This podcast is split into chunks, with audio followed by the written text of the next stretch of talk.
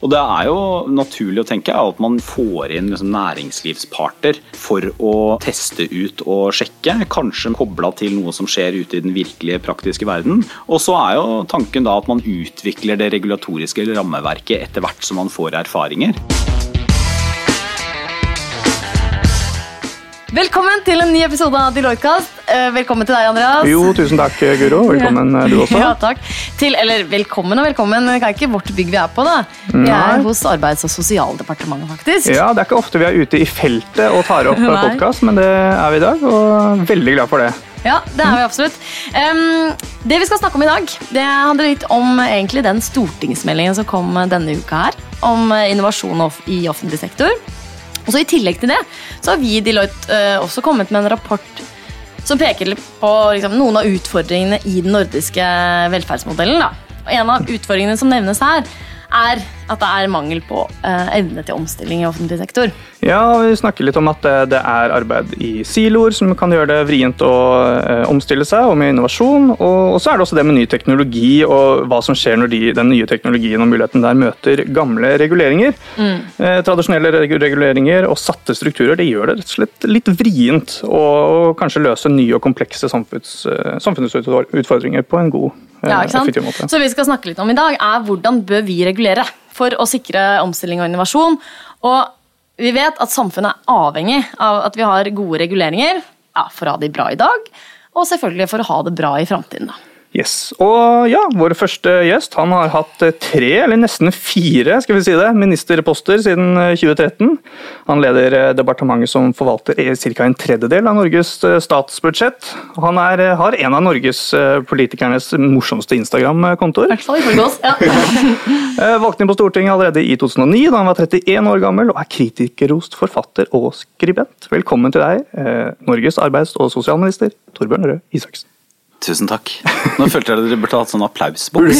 faktisk. For det var altså for en eh, flott, flott intro. Ja, deilig. Du hadde jo en litt sånn uh, hard start, skal vi si det, på din nye ministerpost. Hvordan har den eh, det siste halvåret vært for deg? det har vært travelt. Den uh, Nei, det var um, det har vært et helt absurd halvår. Så jeg, eller Halvåret startet jo veldig bra. Da var jeg liksom godt plassert i Næringsdepartementet og var begynt å bli litt varm i trøya der. Og så snakket jeg med Erna, og så sa hun at hun gjerne ville jeg skulle bytte.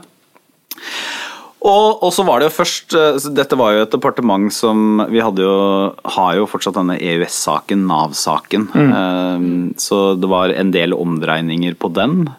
Eh, Og så begynte det å dukke opp et virus fra Kina som vi jo merket oss, og vi begynte å se er vi rustet for dette, og Nav er de, kan de håndtere det og sånn. Og så stengte Norge et halvt år. plutselig. Og så derfra så er det bare et stort, eh, stort tull, egentlig. Ja.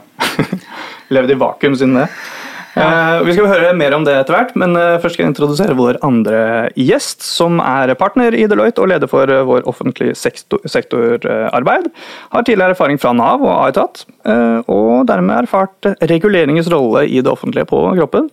Eh, Hun er ikke forfatter, men hun har skrevet mange spennende rapporter i Deloitte, så velkommen til deg, Katrine Minken. Takk skal du ha, Andreas. Eh, Og du var jo faktisk vår aller første gjest i denne podkasten for ca. fire år siden, så det er veldig gøy å få en reprise her i dag. Ja, veldig gøy. Eh, også en liten fun fact, så vet du at du har vært gjennom ganske mange altså Gjennom tidligere jobber vært, eh, eh, jobbet for mange statsråder. Hvor mange er det egentlig? Veldig mange. Jeg Har jobbet for eh, 13, ble det? 13 statsråder. Fra 96 til eh, 2011. Ja. Hva er, det noe du husker sånn ekstra godt eh, fra den tiden? Det er mye jeg husker godt. Det er jo det er liksom spennende å jobbe for, eh, for statsråder som eh, representerer ulike politiske partier. Det er jo veldig spennende. Men kanskje det aller mest spennende som jeg var med i, da, som jeg husker veldig godt, det var jo eh, og det er kanskje det, Jeg vet ikke om du husker det engang, men eh, når vi etablerte betalingstjenester i Aetat Det ene Nei, det husker jeg ikke, faktisk. Akkurat. Når var det? Det var eh, Det ble vel bestemt i 99 Ja. og 2000. Ja. Det var nok ikke høyest på min agenda da, som, eh, som si, siste års eh, videregående skoleelev. Um, selv om jeg var opptatt av politikk. Nei, og Det som er litt sånn gøy da med det, det var jo at jeg gikk rett og slett og søkte og fant tilbake til hvem, hvilke partier var det egentlig som sa ja til noe sånt? Hvem var det som fremmet det? da? Og Det var altså en konstellasjon av Arbeiderpartiet, Kristelig Folkeparti, Senterpartiet og Venstre. Ja, Ja. Så dette var sånn, Laila. Dåvøy som Ja. sa ja til. Nettopp. Sentrumsregjeringen Det var det. var det vel da. Og så var det Jørgen Kosmo som eh, stengte det ned igjen da, eh, året etter. Mm. Men jeg rakk å tjene litt penger for staten da, på faktisk å selge reklamebannere på internett. Ja vel? Hæ? Så det var veldig gøy. Det var, hadde jeg ikke trodd. Nei, det må vi høre om eh, mer på bak- bakgrunnen det. Ja, altså, Andreas, altså, Dagens samfunn er jo preget av eh, veldig raske endringer, eh, hurtighet, og, og, mm, og det påvirker både oss som forbrukere og, eh, og som samfunnsborgere og arbeidstakere. Og siden mars så har vi jo fått veldig masse nye reguleringer. Eh, det researchen vi gjorde, var vel at det var 30 nye lov lovendringer og 100 nye forskrifter. eller noe sånt. Sier kanskje ikke også så mye om Vet ikke helt hva det er i en vanlig periode på tre-fire måneder, men, men mye er det i hvert fall. Ehm, og, og det har jo blitt implementert veldig raskt nye reguleringer. Mens kanskje vanligvis så kan vi vel være enige om at det tar ganske mye lengre tid. Ehm, men først, eh, Torbjørn. Kan du si litt om Hva var det som gjorde at det var nødvendig at vi måtte endre på lover og regler så raskt da pandemien slo oss? Først er det verdt å si at det har skjedd utrolig raskt. eh, Og det har skjedd eh, uten at eh, vi har fulgt noen av de vanlige reglene for utredning, konsekvens eh, Altså utredning av konsekvenser, eh, utredningsinstruks, eh, budsjettberegninger etc. etc. Og det er jo en veldig åpenbar grunn, og det var at eh, 12. mars eh, og dagen før så kom eh, rapportene om at koronaviruset var, hadde ukontrollert spredning i Norge. Dvs. Si at vi hadde ikke lenger oversikt over spredningen. Eh, Og da kommer du i en situasjon hvor du er nødt til å raskt og tydelig og klart innføre smittevernreguleringer. Som det også da er tatt høyde for i lovverket, da, i smittevernloven er det vel den heter. Ja. Men det har, jo vært, det har jo vært reguleringer av en type som ingen av oss har opplevd i fredstid før. Ja. Og, det, og en ting er at det, det, nærmeste, det er vel nesten sånn at det å bare eh, eksistere i dagens Norge er nå blitt like komplisert som å bygge en garasje. Nå har det blitt litt lettere å bygge en garasje med denne regjeringen, men eh, allikevel. ok. Eh, jeg vet ikke om jeg kjenner til reguleringene som har blitt letta på for å bygge en garasje, da, men eh, det Nei, det er kommet noen regler, kom noen regler nå fra Kommunaldepartementet om at det skulle litt mindre søknader og et eller annet. Jeg har ikke Ja. fulgt med detaljene. Ja, nei, men for dere Men er jo opptatt av å gjøre det blir- enklere, Ja, egentlig. Mm. vi er opptatt av å gjøre det enklere, men disse koronareglene har jo vært veldig drakoniske. Mm. Ikke noe tvil om det. Og, og griper inn i folks frihet og næringsliv på en måte som ville vært helt uhørt i enhver annen situasjon. Ja, hvordan føles det? Som, eh, eller hvordan oppleves det når man kommer fra partiet du gjør, da? Med de meningene dere egentlig har om Det, det føles faktisk helt riktig. ja. Og det betyr ikke at, det betyr ikke at hver enkelt Det betyr ikke at, uh, at, uh, at det ikke kan være noen av de tiltakene som har kommet som har vært feil eller kunne vært gjort på en annen måte. Det vil vi helt sikkert lære mye av. Men det betyr at det å innføre klare, tydelige reguleringer og begrensninger på folk i en ekstrem krisesituasjon, det var helt nødvendig. Og jeg tror om noe så, så, så har vel kanskje debatten vist at um, det er ikke nødvendigvis så stor forskjell på klare råd fra myndighetene, som de har basert seg på i Sverige, og reguleringer som vi har hatt i Norge. Eh, Rett og slett fordi at det som for eksempel rammer økonomien hardest, det er at vi alle endrer måten vi oppfører oss på. Det var lov Ja. å gå altså eh, 17. mars i Norge, midt under da liksom Norge hadde virkelig virkelig stengt ned, så var det lov å gå på kjøpesenter. Eh, Downtown hjemme i. Porsgrunn. eh, Men det var ingen som gjorde det. Det er det som er poenget. Men hvis du ser på noe av det som de har gjort i andre land, da. De har jo gått til det mye mer ekstreme da, i Spania, hvor har, du må ha en eller annen bekreftet tillatelse for å gå ut. De har hatt portforbud, Ja. rett og slett, Ja. eh, i en del land, som en del områder i Italia. og Kunne det ha funket i Norge? jeg, jeg tror også at det hadde fungert i Norge. Eh, Og det, det vi ser nå, det er jo at, eh, at vi har en enorm tillit til at myndighetene våre tar valg som er gode for oss. På godt og vondt.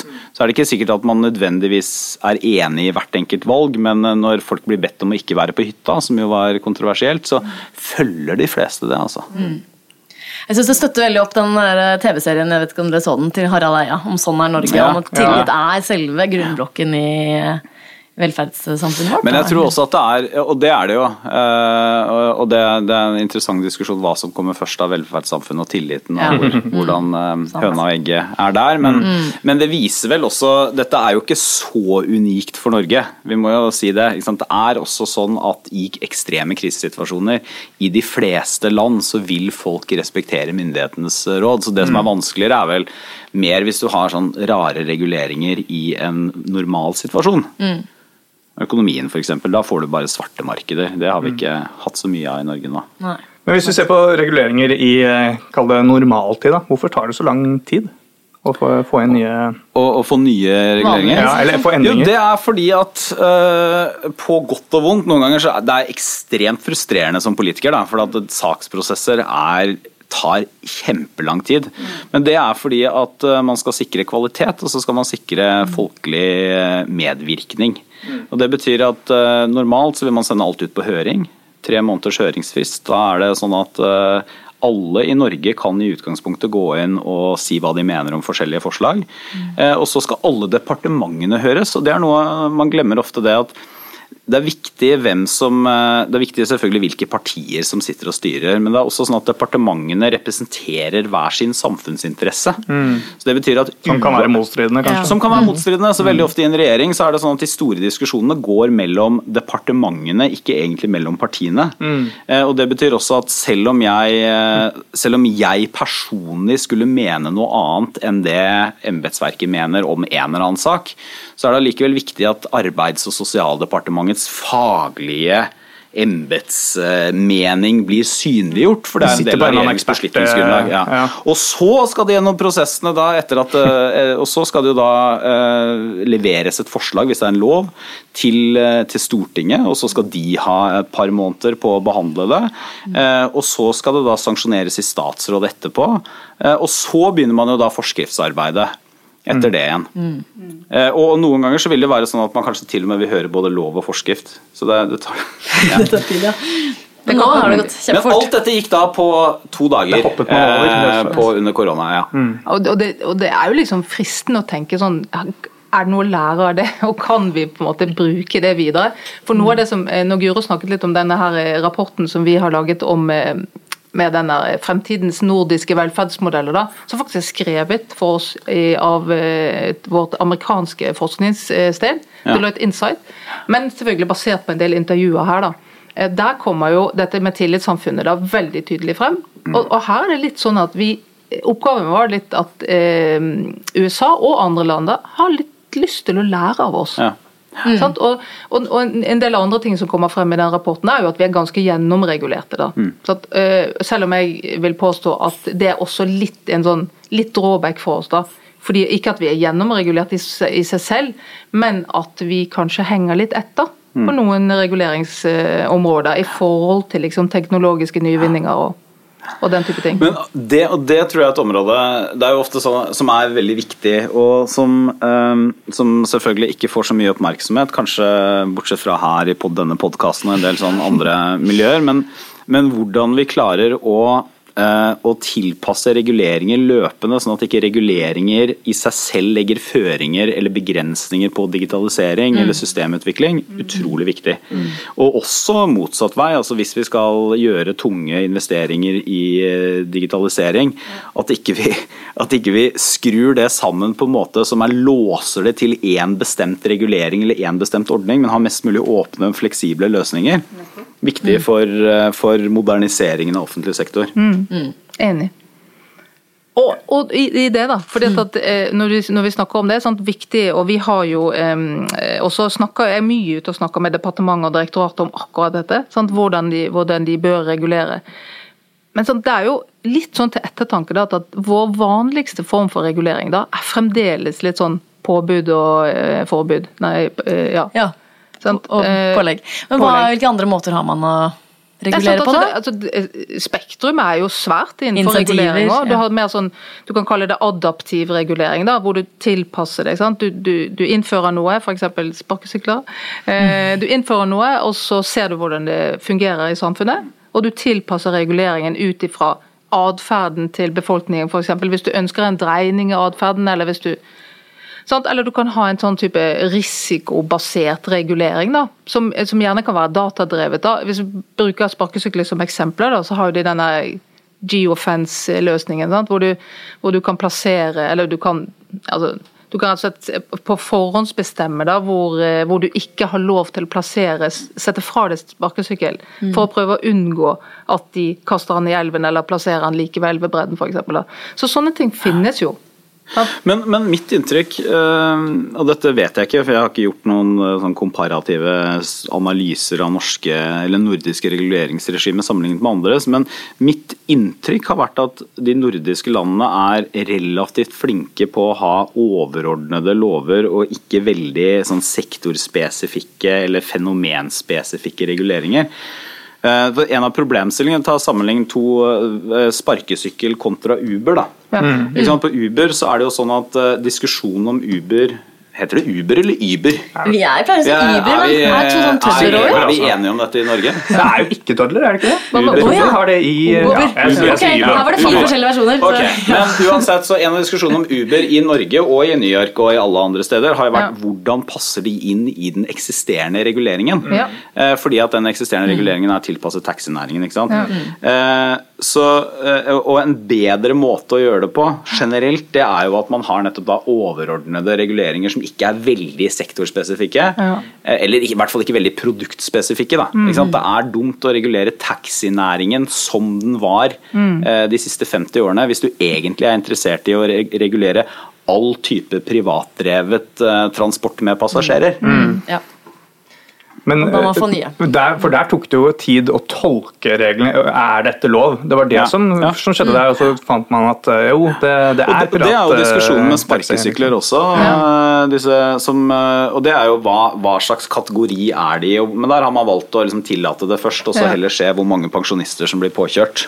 Ja. Ja, eller Eh, hvor mange lage en som handler, havner på legevakta. Jeg snakket Ja. med noen her om dagen som jobbet på legevakta som mente at det var en dobling av skader pga. sparkesykler. Og da kan du tenke ok, kanskje, kanskje faktisk trengs noe mer da, for å hindre skader på folk. Men jeg liker nå syklene selv, da. Så. Men dette er også en av, de, sånn, en av de stolteste øyeblikkene i Høyres historie. Var jo dereguleringen på 80-tallet. Eh, Og en av de tingene man gjorde da, for så da var det veldig strenge reguleringstider for butikker. Altså det var jo nasjonale stengetider. Man måtte stenge klokka fem. Mm.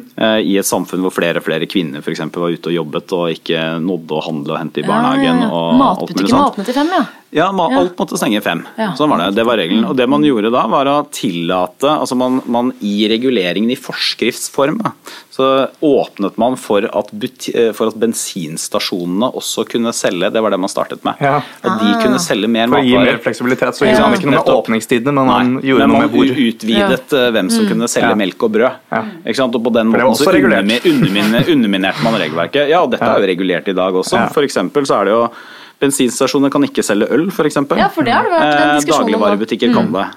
Og det gir, jo, det gir jo ikke egentlig noe mening eh, hvis det ikke er Det er jo ikke noe mer sånn at man skal eh, Hvis man kjøper en øl i butikken og har kjørt hit med bil, så skal man ikke drikke den ølen mens man kjører bil tilbake. Det er mer kanskje skal jo heller ikke assosiasjonen at ja. Jeg tror det er det. Ja. ja. Du er i bilen liksom når du er på bil. Eller at det skal være litt vanskelig å få tak i alkohol, så du skal ikke kunne kjøpe Ja. men- Men det vil jo fortsatt ikke Men sånn Ja. gode, gode åpne reguleringsregimer da, mm. er, er det beste hvor man har eh, ikke sant, noen overordnede mål man ønsker å oppnå, eller noen barrierer man, man ønsker å sette, eh, men ikke har finreguleringer innenfor som gjør at du plutselig da ikke kan håndtere utvikling eller endring. Men da, det, jeg vet ikke, Nå har ikke jeg lest den taxi, det som regulerer taxinæringen, da, men der, der var det jo tolkning. Det tok jo så lang tid å tolke, at til slutt så ble det ulovlig. Og nå i år igjen så skal det åpnes opp nå, Jeg husker ikke hvor mange år det er siden. Tre, fire, fem år siden.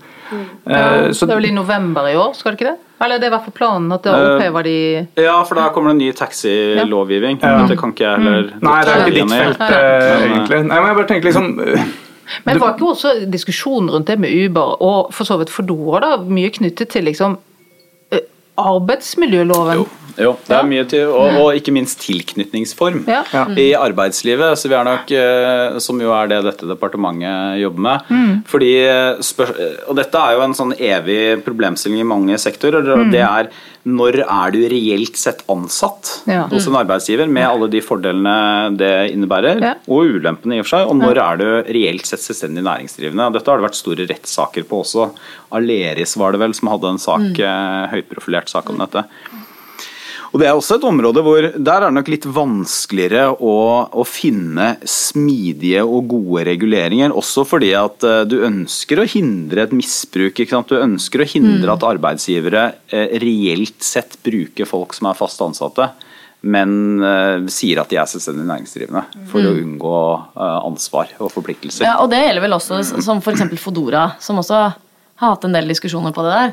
Altså, vi har jo diskutert det litt, Andreas. Altså, du som musiker at kjenner mange som kanskje ønsker å ha en sånn fleksibel deltidsjobb og, og ha den fleksibiliteten det gir. Det er i hvert fall en fordel å kunne, hvis du er frilanser eller selvstendig Ja. næringsdrivende, hvis det går dårlig en måned, så kan du ta et par Uber-turer eller levere litt mat med Foodora, og så er du noenlunde sikra. Ja.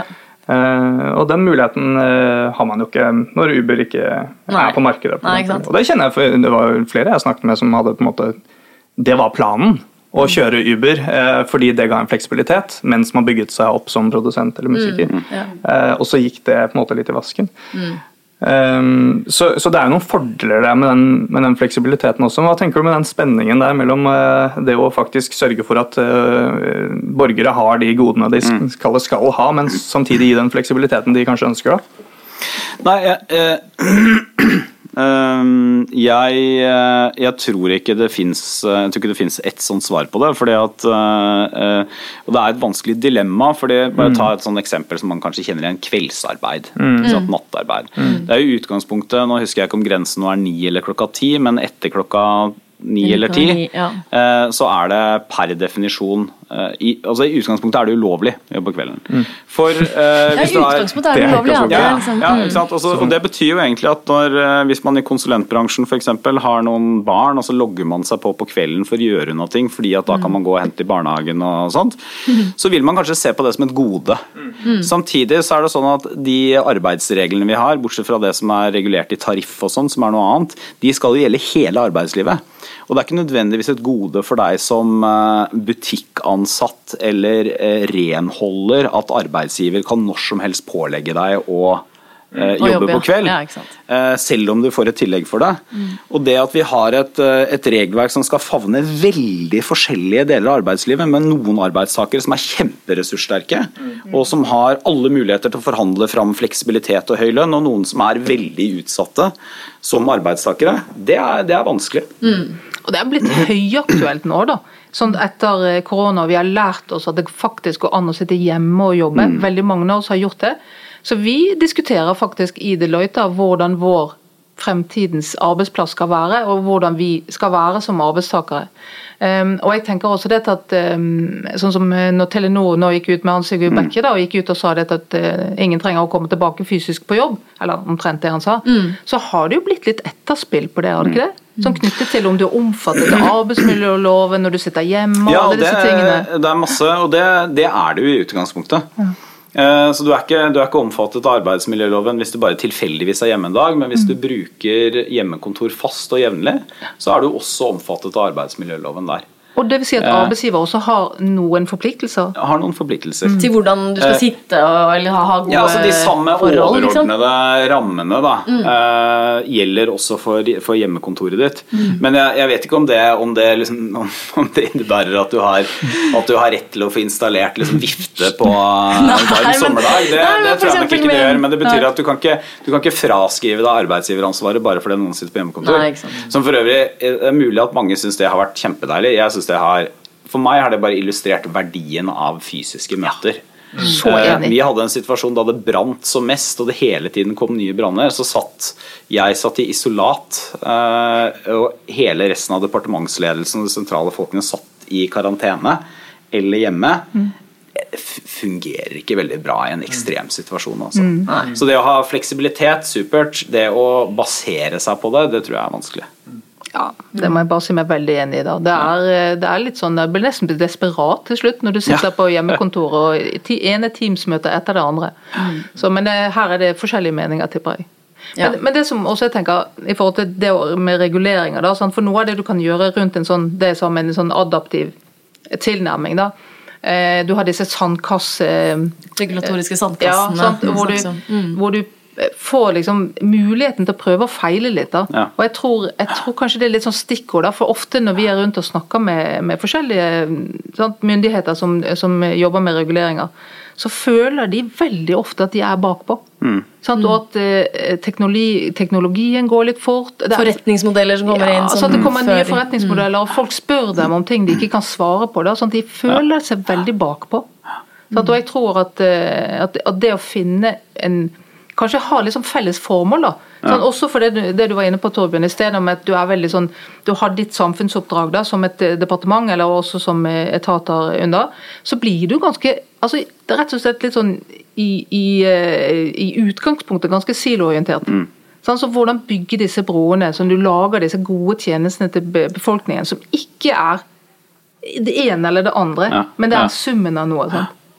Men jeg er veldig enig. altså disse, så Ideen om regulatoriske sandkasser mener jeg er kjempespennende. og Det er en av de tingene som vi har jobbet en del med i regjeringa i det siste også. Ja.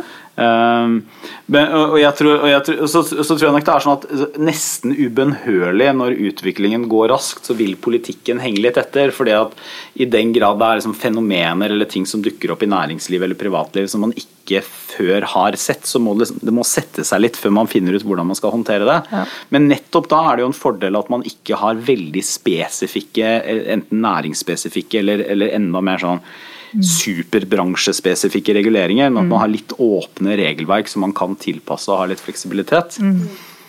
Men, eh, men det, det er jo det er jo en rekke eksempler på det, både personlig og privat og i næringslivet. Ja. For dette med eh, regulatoriske landskaper, nei, landskaper, sandkasser ble jo nevnt i denne innovasjonsmeldingen. Men hvordan, har dere diskutert hvordan det vil se ut i praksis? Hvordan Nei, altså, eh, sånn, eh, jeg vet i hvert fall En av modellene som har vært diskutert, det er jo at man, eh, at man lager da f.eks. på jeg vet Finansnæringen har vært opptatt av dette. Deler av systemutviklingsnæringen også. Og det er jo naturlig å tenke at man inviterer inn, altså man får inn liksom næringslivsparter for å eh, teste ut og sjekke, kanskje med, med kobla til noe som skjer ute i den virkelige praktiske verden. Og så er jo tanken da at man utvikler det regulatoriske rammeverket etter hvert som man får erfaringer. Så jeg synes Og setter er faktisk ting ut i livet og ut på markedet og tester det. ja, for, kan jo f.eks. være det. Så man kunne gått tilbake i tid og åpna for sparkesykler kun i en bydel for eksempel, og sett hvordan det var, og så regulert det. En, en, en mulighet. En mulighet.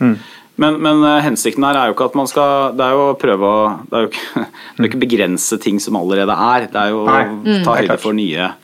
Og det kan jo være, Nå kommer jeg ikke på noen veldig gode eksempler nå, men f.eks. i Nav-systemet så er det jo sånn at systemene man har eh, altså System og regulering henger sammen, og noen ganger så kan systemene man har også være veldig bundet til eh, et bestemt reguleringsregime, eh, som også gjør at endringsprosesser tar lengre tid, rett og slett. er det, Henger det sammen med det man har sett i media nå i det siste, med at Nav ikke har klart å betale ut? sant? Fordi eh, det ja, var en veldig, det er et veldig, veldig synlig eksempel på det. Ikke sant? Fordi at det Nav må gjøre når de får eh, en rekke bestillinger altså Det mest åpenbare dette er jo at vi har hatt 460 000 søknader om dagpenger. Det, det fins ingen presedens i fredstid, fredstid. ikke sant? Men det andre er at når Lav skal lage helt nye ordninger, så må de finne ut eh, hvordan henger dette sammen med andre utbetalinger. Eh, juridisk, hvordan skal vi sørge for at du får eh, det riktige og ikke får dobbeltutbetalinger? Hvilke, dette, hvilket lovverk skal, det, skal, skal fullmakten ligge i? Hva er det regulatoriske rammeverket rundt, det, altså forskriftene? Og så skal systemene bygges opp rundt dette på da ekstremt kort tid. Altså Alle som har utviklet nye systemer i en virksomhet, vet at f.eks. denne ordningen med full lønn de første 20 dagene, eh, f- som omfatter rundt eh, ja, 460 000 arbeidstakere, kanskje flere faktisk. Eh, det, det, det er ganske kort altså Det er ingen som ville funnet på å lage den løsningen på to måneder. eller tre måneder. Nei, ikke Nå blir det sett på som en forsinkelse, men det, er, det er ganske halsbrekkende øvelse, altså. Ja. Så jeg syns Nav fortjener litt kred. Eh, liksom Nav-sjefen og Nav har fått en del kjeft i media, det syns jeg er litt, litt dårlig gjort. eh, synes Men folk har har høye forventninger til velferdssystemet vårt, og det skal Ja. de ha. Altså. Men det, er, eh, det er, har, har vært enorme uh, utviklingsprosjekter på ekstremt kort tid. Og det departementet her har brukt tid på, er jo alt eh, jussen. Uh, rammene for det, hvordan henger systemet sammen, hvordan henger ordningene sammen. Ja, jeg har jo fremdeles en, Hva er det for noe? Er det en Ja. folketrygdytelse? Er det en kontantytelse? Ikke Er det noe Alle du har rett på? Ja. Ja. Jeg skjønner selvfølgelig frustrasjonen til de enkeltpersonene som sitter der uten Selvfølgelig. penger. Selvfølgelig er det Men jeg syns poenget det med denne, denne voldsomme koblingen mot system og, eh, og, og med reguleringer da, er god. Fordi at, eh, sant, eh, Selv om jeg har fremdeles stor kjærlighet til Nav, jeg har jobbet der så lenge og jeg, synes, jeg ønsker dem alt godt, så, så la jo jeg også merke til f.eks. når skatteetaten innførte eh, kontantstøtteordningen, eh, som, sant, så gikk det liksom Det var ganske smooth. Sant? Og de har vel fått noe eh, litt småkritikk for Men det har vært mer på, på, på regelverket og ikke løsning. Sant? Så jeg tenker at det, det antagelig, så jeg må bare kunne anta det, at skatteetaten kanskje hadde et litt mer tilpasningsdyktig Nei, eh, det system. tror jeg ikke. Nei, det er faktisk ikke det som er grunnen. Um, for det, Nav har uh, Dette viser to eller tre forskjellige ting. Altså, det ene er at Nav har hatt veldig store uh, utviklingsprosjekter. så Det er investert omtrent en fire milliarder i Nav de siste ja, fra 2011 eller noe sånt. Ja. Så de har nå et utviklermiljø som raskt kunne sette i gang og utvikle dette. Problemet er rett og slett at uh, det, dette handler om reguleringer og rammer. At denne kontantstøtteytelsen til bedriftene den er veldig sånn sjablongaktig. Ja. Ikke sant? Så for å si Det litt enkelt, det er ikke så farlig om bedriften får 5000 for lite eller 5000 for mye. Mm. Du skal treffe sånn cirka. Ikke sant? Mm. Men pluss at skatteetaten hadde da én ordning de skulle sette opp. Nav hadde tolv forskjellige endringer og helt nye systemer. Ja. Og du må treffe helt presis. Så Et av målene er jo at eh, i hvert fall så få som mulig skal få store feilutbetalinger som de eventuelt må betale tilbake, f.eks. Og, men det henger jo igjen sammen med det regulatoriske. så jeg tror En av de tingene vi har lært av dette, det er at hvis vi havner i en sånn situasjon igjen, så trenger vi en eller annen sånn sjablongutbetaling. Altså at vi bare trykker på en knapp, og så får alle 50 000 inn på konto hvis du har lyst. Ja. Rett og slett. Ja, spennende. Vi må begynne å snart runde av, men, eh, men for å trekke liksom oss enda liksom litt tilbake igjen, så så jeg på at ok, ja, det har kommet masse nye reguleringer veldig fort, vi har reagert raskt, og sånn dere har håndtert dette, denne altså koronakrisen, da, kan vi prøve å tenke, kunne vi også håndtert andre store kriser eh, raskere? Et eksempel er jo f.eks. klimaet. da. Eller eh, også plastproblem, eh, som vi snakket om i forrige episode med, med generalsekretær i WWF. da, Som ønsket at vi skulle ta med det også. om At det trengs eh, Men jeg tror det er, Reguleringer er, der. det, er, vi- det er noen lærdommer her. Eh, samtidig så er det sånn at det er én veldig viktig forskjell. og det er at på, eh, Under korona så ønsker vi at alt skal stoppe brått. Mens når det gjelder klima, så ønsker vi at reguleringene skal bidra til utvikling og omstilling og nye løsninger. Vi kan ikke bare skru av oljen, liksom. Nei, ikke sant? Altså, jo, men Det er nå én ting, Ja. på en måte. Men, eh, men noe annet er jo at eh, du, ble spurt i stad hvilke forskjellige reguleringsregimer har man. Klima er jo et godt eksempel på at det, vi, det som er fornuftig der, er noen ting kan vi ha forbud mot. Veldig giftige stoffer eller dumping dumping i sjø eller den type ting. Men det du trenger der, er mye mer avgifter. det- CO2-avgifter. Ja, ikke sant? Det er mye mer effektivt, fordi at du ønsker at du skal få en atferdsendring som igjen gir opphav til ny teknologi og nye løsninger. Men det trenger vi mer av, da. Det trenger vi mer av. Ja. Det er smart. Men, men sånn, det betyr jo også dette at du må ha mye mer enighet da, om formålet med reguleringen. da. Sånn, for denne, Med avgifter og sånn, den, den, den glemte jeg faktisk det, da, men litt mer sånn intensivbasert regulering er utrolig sentralt.